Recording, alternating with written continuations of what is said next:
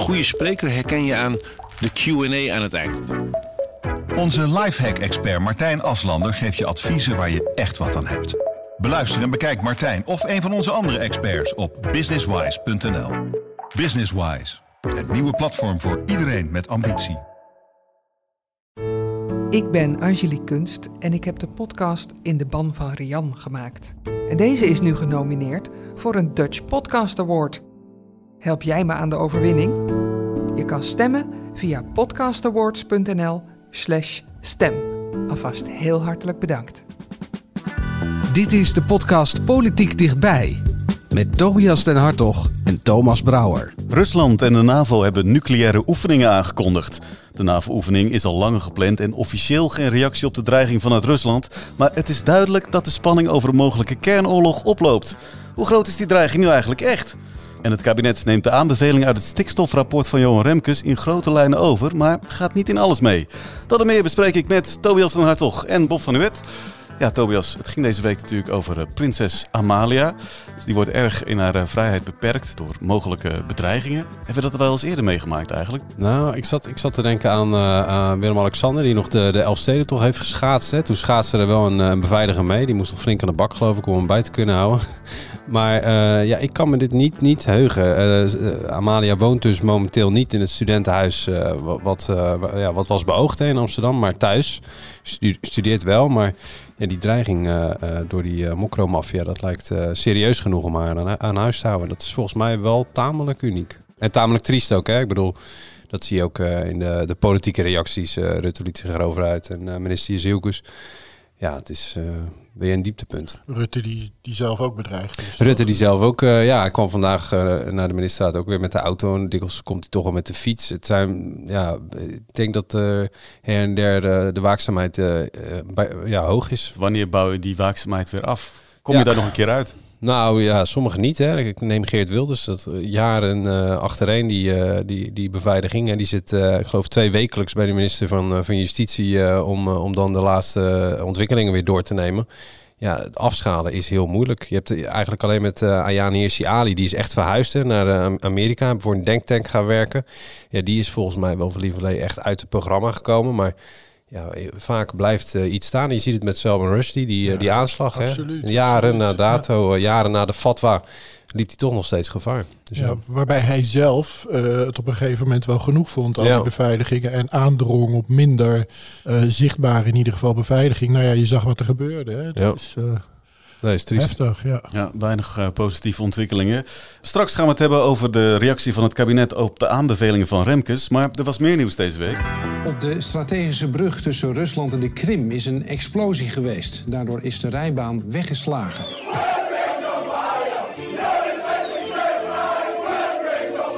Здесь, как вы только что доложили, сомнений нет. En zit Oekraïne achter die explosie? Dat is natuurlijk de grote vraag. In het centrum van Kiev zijn vanochtend even voor half acht explosies gehoord. Het gaat veel meer om dat Poetin nu civiele doelen, burgerdoelen eigenlijk aangrijpt om te zeggen: als jullie terug tegen mij gebruiken, gebruik ik terug tegen jullie. Ja, nieuws van de afgelopen week. Die aanslag op de Krimbrug vorige week zaterdag. Dat was een nieuwe vernedering voor het Russische leger. En Poetin reageerde deze week dus met raketaanvallen op uh, meerdere doelen, burgerdoelen in uh, Kiev. Ja, Bob, uh, is die oorlog nu een nieuwe fase ingegaan? Uh, dat wordt gezegd. Uh, wat ook wordt gezegd is dat nog steeds uh, niet helemaal zeker is wat er dan is gebeurd hè, op die brug. Want de afgelopen week is er veel onderzoek geweest. de brugdelen zijn bestudeerd door allerlei experts. En dat kan online, want er waren prachtige beelden van. Nou, een van de conclusies was, er ging ook een verhaal van een misschien wel een duikbootaanval of iets met een boot. Nou, dat is allemaal uitgesloten, want aan de onderkant van de brug zitten geen schroeiplekken. Dus het is van bovenaf gekomen. Nou, dan hebben we dat uh, gecompliceerde verhaal van die uh, vrachtwagen die vol explosieven zo'n beetje half Europa door is gereden en dan precies daar ontploft. En er is een verhaal, en dat vind ik wel boeiend, dat het misschien ook wel een raket is geweest. En dat zou dan een lange afstandsraket zijn. En als dat zo is, dit is niet, niet bewezen, hè, maar dat is een van de theorieën die eronder doet. Als dat zo is, dan komen we inderdaad aan die beruchte, beroemde rode lijnen van Poetin. Want Uh, we weten allemaal dat de oorlog uh, ja, eigenlijk een beetje kantelde toen de Amerikanen hun moderne wapens uh, gingen leveren. Die HIMARS, hè, die, die, die raketten die zo'n 200 kilometer schieten. Maar de Amerikanen hebben nooit lange afstands uh, raketwerpers willen leveren aan Oekraïne. En de reden was, als de Oekraïners in het nauw komen, dan kunnen ze ook Russische steden gaan beschieten. En ze kunnen ook de Krim gaan beschieten. Nou, wat er is gebeurd, ineens een vrachtwagen op die brug uh, naar de Krim die ontploft. Ja, dan komen er allerlei, allerlei verhalen. Maar het laatste en ook waar de Russen zich aan vasthouden. Ik denk dat dat ze ook wel goed uitkomt. Is dus het verhaal van die vrachtwagen. Maar ja, dat, daar zitten ook al nu weer allemaal rare verhalen aan vast. Russen laten dan beelden zien van de FSB, Russische geheime dienst. Die filmt die vrachtwagen op allerlei plekken.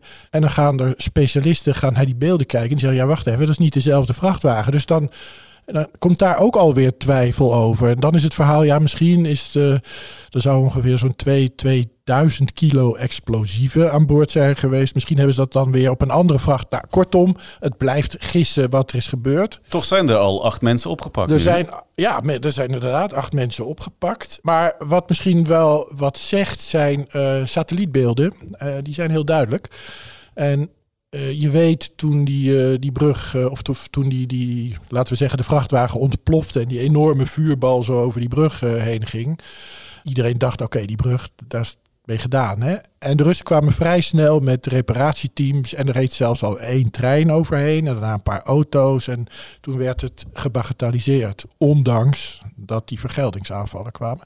Maar nu zien we satellietbeelden van hele lange rijen vrachtwagens, die dus kennelijk niet over die brug kunnen. Tenminste, niet meer zoals vroeger. En het treinverkeer is ook lastiger. En er is uh, nu net een bericht gekomen dat Rusland verwacht dat het in 2023 ergens de, alle schade is hersteld. Met andere woorden, het is wat meer dan die krasjes waar ze het over hadden uh, toen ze direct daarna weer treinen lieten rijden en, en, en hele dappere automobilisten over die brug stuurden. Ja, je zei al, stel nou dat het een Amerikaanse raket zou zijn geweest, dan zijn we voorbij die rode lijn. Je ziet sowieso dat de spanningen tussen Rusland uh, en, en de NAVO de laatste dagen weer, weer flink oplopen. Ja, en dan uh, heb je het, neem ik aan, vooral over de, de nucleaire dreiging, die dan elke keer weer, uh, weer boven komt. Ik heb net geprobeerd om te turven hoe vaak Poetin heeft gedreigd met nucleaire wapens. En dat is lastig, want de ene keer spreekt hij dat heel duidelijk uit. Hè, van uh, als jullie, dan wij dit. Hè. En de andere keer dan verpakt hij het en dan heeft hij het over uh, uh, van wij hebben dit zonder te zeggen, wij gaan dit op jullie afsturen. Maar, maar en, en, ja, dat is, als je dat gaat optellen allemaal. En van de lichtste vorm tot de zwaarste vorm van bedreiging. Dan kom je op iets van 20, 20 keer dat hij daarmee uh, heeft gedreigd. En ja, sorry, ik, ik moet daar een beetje om lachen. Want ja, hoe serieus is het dan nog? Hè? Zelfs zo erg dat hij zelf bij een van de laatste keren zei: This is serious. Dus deze keer uh, is deze het. Keer nu meen ik het echt. nu meen ik het echt, ja. ja. Nou goed, dat is, het zijn natuurlijk hele heftige, ernstige zaken waar we het over hebben. Maar de, de experts die ik erover spreek, uh, wat ik erover opvang, is dat dit voor een deel voor zijn eigen publiek is. Dus hij bedreigt ons om zijn eigen mensen, de Russen, een soort vertrouwen te geven van als we worden bedreigd, dan kunnen wij altijd dit. Hè? En, en ja, dat het ooit zo ver zal komen, ja, dat, dat, dat weet niemand. En weten we hoe daar in Rusland naar wordt gekeken dan? Want hij doet het dus dan volgens jou voor zijn eigen achterban, zijn eigen, zijn eigen landgenoten? Ja, in, in Rusland heb je, ik, ik, ik kijk daar graag naar, omdat dat allemaal nogal over de top is. Heb je van die Russische tv-presentatoren, nou die hebben ons al 80 keer vernietigd. Ik geloof zelfs een keer Rotterdam bij naam is, uh, is genoemd. Um, ja, ook dat, hè, dat is weer dat spelen voor dat... Uh, voor dat thuispubliek. Ik had uh, vandaag toevallig een interview met Ian Kershaw. Ian Kershaw is de grote historicus als het gaat over Hitler. En we hebben het gehad over Poetin. En het is natuurlijk heel fout en gevaarlijk om vergelijkingen te maken tussen Hitler en Poetin. Maar hij had het er wel over. Neem de dictator Hitler in zijn laatste weken, in zijn laatste dagen. Die had het plan die had dus geen atoombommen. Maar om echt heel Duitsland met de grond gelijk te maken. Een soort verbrande aarde. Alle Duitse steden opblazen. En er zou niks van overblijven. Daar was uh, in zijn entourage een minister Speer, heette die man. Albert Speer. Die ging over de bewapening. Die dacht van ja, maar dit gaan we niet doen. Dan gaat. Dan, Hitler kan dat allemaal wel willen. Maar de Duitsers moeten door na de oorlog. Nou, Kershaw zegt dus: Ik ben ervan overtuigd dat er in de entourage van Poetin ook van dat soort mensen rondlopen. Want als jij een nucleair wapen gebruikt, ook al is het een tactisch nucleair wapen, dan krijg je, Biden heeft het gezegd, anderen hebben het gezegd, krijg je een repliek. En dan wil je niet in het Russische leger zitten, denk ik. Wat je, wat je dan over je heen krijgt. Dus in de entourage van Poetin zijn ook mensen nogmaals, vergelijkingsfout, net als Speer toen, die denken van ja, wacht even, uh, je mag dreigen, maar er zijn grenzen aan wat je kan doen. En daar, Kershaw zegt, ik denk dat die daar ook zijn. Hij weet niet wie dat zijn, weet ik ook niet, weten wij niet. Maar ja, moet altijd aan het liedje van Sting denken. Hè? Uh, Russians uh, have, children too. Dus, dus ik snap dat het, het is een heel gelistig spel. En als het klapt, dan heb ik hier natuurlijk onzin zitten verkopen. Maar het algemeen gevoel is toch wel, het gaat niet zo ver komen. Ja, en toch uh, voelden de NAVO en de EU-top zich ook wel genoodzaakt deze week daarop te reageren. Russia's nuclear rhetoric is dangerous, reckless, and uh, they know that if they use nuclear weapon against uh, Ukraine, it will have severe consequences, and they also know that uh, a nuclear war cannot be won and should never be fought. Any nuclear attack against Ukraine will uh, create an answer, not a nuclear answer but such a powerful answer from the military side that the Russian army will be inoculated. Ja, dat waren NAVO-chef Stoltenberg en EU-buitenlandchef Borrell. Ja, die zeggen toch eigenlijk uh, twee andere dingen. Nou ja, eigenlijk zeggen ze ook hetzelfde. Eigenlijk zeggen ze het lijkt een slecht idee voor de Russen om uh, serieus een, een, kernwapen af te schieten. Waarbij Borrell zegt wat Biden ook al heeft gezegd. Al, die, die gebruikte dan die beladen term uh, Armageddon daarvoor. Maar, maar Biden heeft min of meer gezegd. Als jullie Russen een kernwapen afschieten, dan kun je elke Russische tank die in de Oekraïne staat, kun je meteen afschrijven. Want we vernietigen alles in één keer. Nou, kun je ook zeggen dat is bluff. Amerikanen hebben wel spullen hè, die, dat, die dat misschien wel kunnen. En dat zullen ze in, uh, in Moskou ook wel weten, denk ik. Er kwam deze week ook het verhaal dat de NAVO nucleaire oefeningen heeft uh, aangekondigd. Die zouden al langer dus op de planning staan. Volgende week is het zover. Wat, wat zijn dat dan precies voor oefeningen? Nou ja, ik, ik begreep dat uh, die oefeningen regelmatig worden gehouden. Alleen wat er nieuw aan is deze keer is dat ze van tevoren zeggen dat we oefeningen gaan houden. Nou, en dat is dan vanwege het wil Rusland niet je wil geen misverstandje. Nee, precies. nou ja, inderdaad. Je wil geen misverstandje. Want uh, het, is, uh, het is nu ook... Uh, ik moet even een anekdote kwijt, Thomas. Het is ook 60 jaar geleden dat we de Cuba-crisis hadden. Hè? En toen zaten we ook op het randje van zo'n... ja, van een, van een nucleaire oorlog. De, de, de Russen zaten op Cuba met raketten. De Amerikanen wilden dat niet. Want die raketten waren te dichtbij om, om opdat het Amerikaanse defensiescherm überhaupt nog kon werken. Dus dat was voor de Amerikanen echt levensbedreigend. Nou, toen kwam die hele crisis. Dat speelt allemaal 60 jaar geleden volgende week. Dus daar zullen wel de nodige uh, herdenkingen uh, over komen.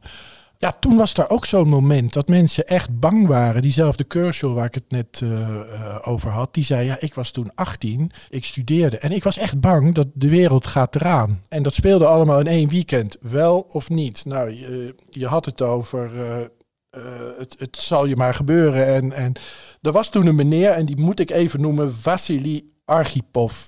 Dat was een Russische duikbootonderzeeër. En, die, en in die tijd werd hij met zijn nucleaire duikboot uh, bestookt met Amerikaanse dieptebommen. De bemanning wilde nucleair reageren.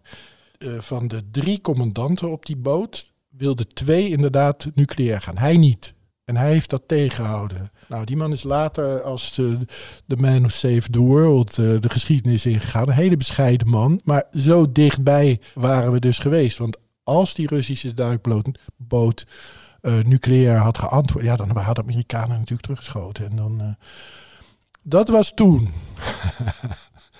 nu Ehm, wordt dat spel weer gespeeld en je hoopt maar dan dat er inderdaad weer een, eh, een meneer Archipov is die, die het hoofd koel houdt en denkt van jongens, eh, even, even pas op de plaats. Toch, toch lijken alle mensen die hun hoofd koel houden in de omgeving van Poetin, die vallen op enig moment uit een raam of zo. Hè? Dus je, je vraagt je wel over wat is de, wat is de, sterk, de sterkere factie? De, de, de, de havik of de duiven in die. eh, maar ja, dat weet eigenlijk niemand toch in dat.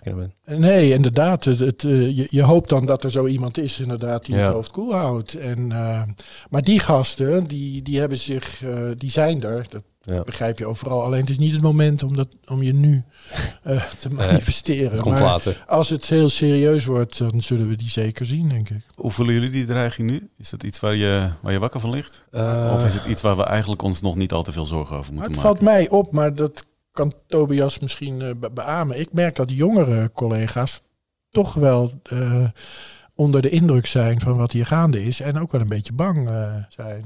Nou, vorige week was eigenlijk de eerste keer in, eh, eh, dat er in Den Haag ook een vraag over werd gesteld aan Mark Rutte. Van, precies wat, wat Bob ook aanhaalde. Hè? Die, die boodschappen van Poetin voor binnenlands gebruik, die zijpelen natuurlijk naar hier. Dat is duidelijk een, een, een signaal naar het Westen van pas op, ik heb spullen en als jullie dit doen, dan ga ik ze gebruiken. En Rutte kreeg voor het eerst een vraag van ja, moeten we ons dus ook echt serieus, eh, moeten we serieus bang zijn? En hij, ja, logisch, kan niet heel veel anders zeggen dan je moet je vooral niet bang laten maken, want dan heeft hij zijn zin. Hè? Leef vooral verder.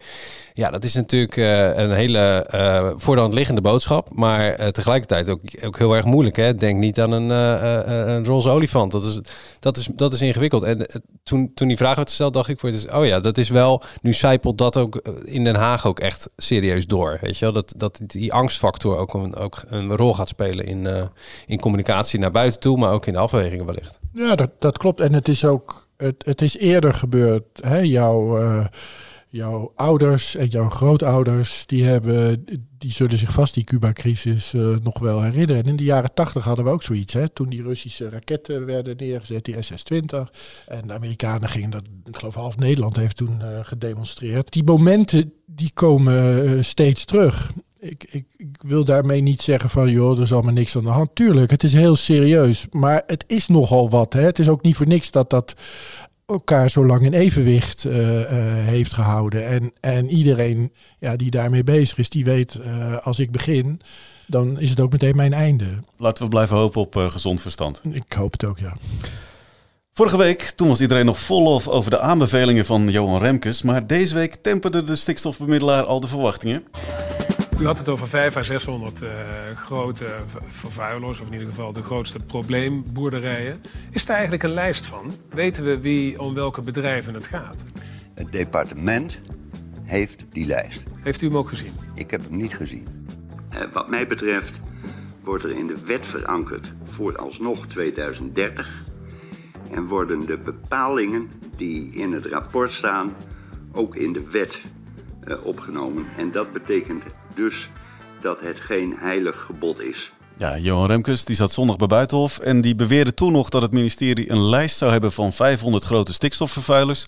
Daar moest hij later in de week toch van terugkomen, Tobias. Hoe, hoe zat het precies? Ja, van eh, gezond verstand naar misverstand. Hij heeft dus eh, tijdens die, die eh, de, in de periode dat hij aan zijn rapport heeft gewerkt, heeft hij naast gesprekken met boeren natuurlijk ook veel contact gehad met het ministerie van Landbouw. En waar het op neerkomt is dat langs die Natura 2000 gebieden waar we echt de stikstof moeten gaan reduceren, dat vindt ook Johan Remkes, dat vindt eh, eh, het kabinet. Ja, daar zijn eh, bedrijven, dat zijn piekbelasters, die hebben een hele zware belasting als het gaat om, om stikstof, neerslag op de natuur. En hij heeft begrepen, zegt hij, dat er een lijst zou zijn bij landbouw, het ministerie van Landbouw, waar de 500, 600 grootste, eh, ja, de, de piekbelasters eh, op zouden staan. Nou, landbouw zei, eh, wij weten van niks, wij kennen geen lijst. Afgelopen week was er een hoorzitting in de Tweede Kamer van Remkes. Toen zeiden ja, we hebben dat wel gehoord, maar ja, geen lijst gezien. En ja, ik, heb toch, ik mag toch aannemen dat ze weten wie de pi- piekbelasters zijn, enzovoort, enzovoort, enzovoort. Nou, eh, lang verhaal kort. Minister eh, Van der Wal zegt, ik heb hem niet. Ik zou, dat ik, hem, ik zou willen dat ik hem heb, maar dan moeten we dus ook een definitie van wat is een piekbelaster. En dan moet je ze nog per adres gaan opsporen. Dus Nou ja, dit is, het was, stond er allemaal niet heel fraai op eigenlijk. Nee, en dat vertaalt zich dan ook eh, naar vandaag. Want vandaag Ja. laat het kabinet weten welke aanbevelingen ze overnemen. En nou net die. Ja, nou, nou net rond die piekbelasters ligt het moeilijk. Dat is ook wel, je hebt dat, dat traject van de, van de stikstofreductie, dat is een traject wat loopt zeker tot 2030. Hè. Eh, eh, Remkes zegt ook, zet in de wet dat in 2030 de stikstof geredu- gereduceerd moet zijn.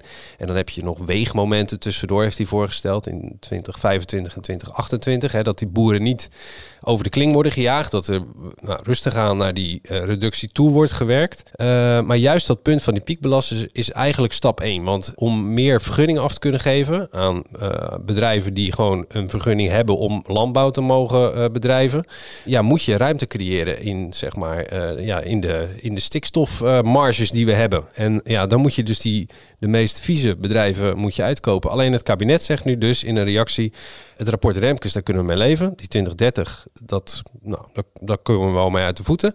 Maar die piekbelasters, ja, wij weten niet zo goed of we ze kunnen uitkopen. En of dat binnen een jaar lukt, is al helemaal de vraag. Dus juist op dat punt zijn ze terughoudender. En dat is, ja, eh, na al dat misverstand een beetje, ziet er nog wat lulliger uit. Maar het is ook ergens wel logisch, omdat ja, uitkopen van bedrijven is best ingrijpend. Hè? Het is ook nog maar de vraag of dat mag, of dat juridisch houdbaar is. En het is iets wat meteen binnen nu en een jaar op de rol staat. Dus het is ook nog eens, zit een, zit een tijd op. Willen zich ook misschien niet binden aan zo'n tijdsdruk. Nee, en dat heeft te maken met, je kan die bedrijven ook nog bewegen om eh, een ander soort landbouw te gaan laten bedrij- eh, bedrijven. Je kan ook nog eh, aan innovatie denken, schonere stallen of eh, andere technische snufjes waardoor je die, die uitstoot reduceert. En dan pas komt uitkopen als zeg maar ultimum remedie komt eh, om de hoek kijken. En ja, dat is een, vrij lang traject. En zelfs bij dat uitkopen kun je nog afvragen, ja, gaat bijvoorbeeld de Europese Unie daar niet voor liggen? Hè? Want het is eigenlijk een soort staatssteun, zou je dat dan noemen. Dat, dat, dat botst dan met de regels. Eh, dus misschien mag het wel niet eens. Nog los van of het volgens de Nederlandse regelgeving zou kunnen. Maar ik, ik vroeg me af als die lijst er nou niet is, hè, van die, van die piekbelasters. Is het misschien een goed idee om die eens te gaan maken? Want Ja, nee, dat is ook zo. Ja, maar, het, dat, ja, maar dat is precies het, het probleem ook weer. Want je hebt, eh, de, je hebt mensen, je kan, je kan natuurlijk vrij goed eh, zien wat, wat vuile bedrijven zijn. Hè? Dat weten ze ook wel. Alleen dat wil niet zeggen, het ene vuile bedrijf ligt misschien helemaal niet in een kwetsbaar natuurgebied. En een ander vuil bedrijf, of minder vuil bedrijf, ligt wel weer in een heel kwetsbaar gebied. Dus daar moet je dus, ja, nou ja, alles wat ingewikkeld is, wordt ook politiek gemaakt. Hè? Dus de, de- daar, wordt, daar begint het probleem al van. Ja, wie zijn dan de viezerikken? Ja, ga die maar eens ben aanwijzen. ik, ben ik eh, overdrijf ik als ik zeg dat, eh, nou laten we zeggen, vier studenten die in, in goed handig zijn met data, dit in een weekend voor je uitzoeken. Ja. Waar die bedrijven liggen, wie de grootste, of is dit te makkelijk? Nou, nee, niet helemaal. Ik denk dat als je een paar knappe koppen van Wageningen bij elkaar zet in een hokje met een heel hoop cola en Red Bull, dat ze er best wel, dat ze best wel een eind komen. Alleen het probleem is dat ook, de, eh, de, de wijze waarop de, eh, het neerdalen van het stikstof wordt gemeten, hè, de KDW's, dat is, dat, dat is een, ja, een omstreden meetmethode. Is geen betere. Maar het is vooralsnog de enige methode. En juist van die meetmethode, daar wil het kabinet ook van af, omdat die nou, best wel discutabel is. En ja, daar is echter nog geen alternatief voor. Dus het is, ja, wat geef je die studenten dan mee ook? Hè? Van ja, we hebben hier een model, je kan het via dit model doen, maar dat is eigenlijk niet het model dat we willen gebruiken. Nou, zie de bakproblemen op het bureau van Christiane van der Wal. Die kan nog aan de, aan de slag. Hebben Ja. de landbouworganisaties eigenlijk al gereageerd op het besluit van het kabinet? Nou, er is een, er is een eh, ontbijt geweest, heel vroeg van de week. Eh, ik weet niet, ja, boeren ontbijten altijd vroeg, hè, dus dat is geen probleem. Maar op het katshuis eh, kwamen ze bijeen. En daar werd wel gesproken over, eh, over eh, dat de, de banden zijn wel aangehaald door Remkes. Is allemaal wat meer on speaking terms. Er wordt ook over een landbouwakkoord gesproken. Dus het, het meandert er wel naar dat er in ieder geval met LTO dan wat warmere betrekkingen zijn. En Remkes heeft, is op dat punt ook streng geweest tegen de boeren. Je kan niet aan de ene kant onderhandelen of willen onderhandelen... en aan de andere kant eh, bij een minister met je trekker voor de deur gaan staan. Dat werkt zo niet. Dus die heeft ook de boeren eh, gezegd... ga nou in één kamp zitten, eh, spreek met één mond en, en ga om tafel. Nou ja, daar lijken de eerste bewegingen zijn best positief. Vorige week was er dus nog heel veel lof eh, voor Johan Remkes na zo'n week. Hè, als het stof dan een beetje is neergedaald. Wat, wat blijft daar dan nu nog van over? Is eh, Caroline van der Plas nog steeds een beetje verliefd? nee, ze was van de week bij de, tijdens de hoorzitting wat, eh, ja, was ze nou, niet helemaal verliefd. Maar je, je, je, je, je, ziet ook wel, je haalt maar, je moet er maar net je haalt er net uit wat jij fijn vindt. Hè? Eh, eh, Remkes eh, had met name op dat punt van het jaartal 2030... zei hij iets tijdens de hoor- hoorzitting... waar allebei de partijen, zowel de GroenLinks en D66 als BBB... mee zouden kunnen leven. Ja, volgende week dan. Dan komt minister Van den Burg met een wet die asielzoekers beter over Nederland moet verspreiden. Eh, dat is geen eenvoudige opdracht. Nou, ik zie in den brede dat een deel van de gemeenten in Nederland zegt kom met die wet en een deel van de gemeenten zegt doen we dat niet. En we zien ook dat het draagvlak voor de wet ook weer eh, verschillend is. Een deel wel, een deel niet. Dus ik probeer ook te komen met een wet die kan rekenen op draagvlak in de Nederlandse samenleving. En het vertaalt zich dan naar draagvlak in het parlement. Ja, het gaat om de zogeheten spreidingswet. Die is al flink vertraagd. En dat heeft voornamelijk ook te maken met de eigen partij van Van den Burg. Hoe zit dat precies? Nou ja, precies. Die, eigenlijk wel fijn dat jij spreidingswet zegt. Hè? Want die, dat is eigenlijk het springende punt. Hè? Dus je hebt een, eh, eh, de opvang van asielzoekers is, eh, is noodzakelijk, vindt het kabinet. Dat moet je verdelen over gemeenten. Nou, twee derde van de gemeenten hebben helemaal geen opvang gehad de afgelopen tig maanden voor langdurige opvang van asielzoekers. Dus er zijn heel, veel, heel weinig gemeenten die heel veel doen en heel veel gemeenten die heel weinig doen. En daar wil Van den Burg vanaf, daar wil eh, eh, D66 vanaf, daar wil ChristenUnie vanaf, maar de VVD. day. Eh, ja, die houdt natuurlijk de voet op de rem. Hè. Die zijn eh, kritischer als het op Je asiel zegt aankomt. natuurlijk de voet nou op de rem. Natuurlijk omdat het constant, en bij elke asielsdiscussie is het de VVD tegen de rest, of de VVD en CDA tegen de andere twee. Dus dat is altijd een beetje de rechts-links verhouding op dit dossier. En eh, Van den Burg is van de VVD, vraagt dus eigenlijk, jongens, ik wil gemeenten kunnen verplichten om asielzoekers op te vangen. Nou, dat kun je dwang noemen, dat kun je spreiding noemen, dat kun je verleiding noemen. Eh, nou, de VVD wil het het liefst als dat laatste uitleggen. Hè. Dus gemeentes verleiden, hè, zelfs met bonussen wordt nu over nagedacht. Een bonus per zoveel euro per asielzoeker meer die je opvangt boven wat je eigenlijk zou hoeven doen. Nou, in die categorie zit Van den Burg nu eigenlijk te zoeken van ja, jongens, allemaal leuk en aardig. Ik moet dit allemaal in een wetje gaan eh, gaan opschrijven. Dit moet allemaal samenkomen in een wet waarbij ik gemeenten wel degelijk kan dwingen eh, asielzoekers op te vangen. Maar ja, de VVD ligt intern dus dwars. De klok tikt, want eh, voor het uh, hersenses wil de Kamer weten van nou, hoe gaat die wet er nu precies uitzien. Dat wordt dus komende week. Dus als je dacht dat Van der Wal afgelopen eh, we- week eh, slechte tijd had, nou, dan is Van den Burg deze week aan de beurt, zeg maar. Want die moet zijn eigen partij eh, ja, iets door de strot gaan duwen waarschijnlijk. Is dat nou heel opmerkelijk eigenlijk? Dat iemand gewoon zijn een minister zijn eigen partij eigenlijk tegen zich heeft in, in een beslissing? Nee, dat valt wel mee. Kijk, soms wordt het ook wel voor de bühne gedaan hoor. Want dan zeggen ze, nou, wij zijn ook niet blij met dit of dat besluit. Terwijl ze in de achterkamertjes hebben mee zitten onderhandelen, weet je wel. Maar kijk, dat de VVD die, die wil het liefst dat, dat de Tweede Kamerleden kunnen zeggen... nou, wij hebben tot het laatst geprobeerd om hier nog iets fatsoenlijks van te maken. Bladibladibla. Uh, terwijl de staatssecretaris en, en die Tweede Kamerleden ook wel weten van... jongens, ergens moeten we het midden gaan uitkomen. Want anders hebben we een kabinetscrisis en dat wil, uh, dat wil niemand. Ja, een oplossing zou dus kunnen zijn die, die bonus die ze dan Ja. uh, eventueel kunnen geven aan gemeentes. Een paar duizend euro bijvoorbeeld bij als zij meer asielzoekers Ja. opnemen dan, dan ze zouden moeten doen. Uh, hoe groot is de kans dat dat er doorheen komt? Nou, dat hangt heel erg vanaf wat daar tegenover staat. Hè? Want als er, uh, want dat, de keerzijde van dat plannetje is dat er dan ook een, uh, een, een plafond zou zijn, hè, waar het maximaal aantal asielzoekers uh, redelijkerwijs per die en die gemeente.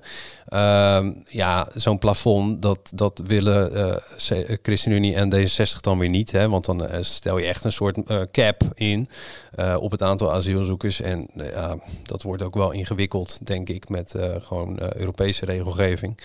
Dus ja, waar het dan precies op of, of die bonus overeind blijft, ik weet het niet. Ik, ik, lees het ook vooral een beetje als een poging om de VVD binnenboord te, te, krijgen of te houden. Maar ja, dat.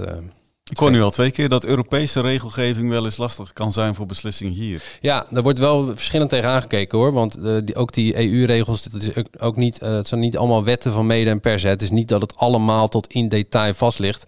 Op sommige punten zou je kunnen zeggen, ja uh, minister, als jij iets wil in eigen land, ga maar lobbyen in de EU dat je, dat je daar gewoon een, een voor krijgt en een duimpje. Uh, doe maar gewoon een beetje beter je best. Nou, dat geldt op veel dossiers. Op asiel is dat wel iets ingewikkelder, omdat je daar, ja, daar houden lidstaten elkaar heel erg in de gaten. Omdat er zijn meer lidstaten die minder asielzoekers willen opvangen. Dus daar is, ligt dat misschien dan wel weer wat lastiger. Maar ja, EU-regels, uh, daar hebben we ons aan geconformeerd. En dat is vaak uh, ook met uitlegbare reden, vindt het kabinet. Maar het, zit, we- het zit ze wel eens, ja, het zit ze wel eens dwars. Het is soms wel iets moeilijker, ja. ja. En we volgende week in wet? Eh, ik hoop van Van den Burg van wel. Maar ja, garanties tot de deur. Goed, we gaan het eh, zien. Tot zover deze aflevering. Vind je dit nou een leuke podcast? Abonneer je dan. Dat kan via Spotify of Apple Podcast. En volgende week, dan zijn we er weer. Tot dan.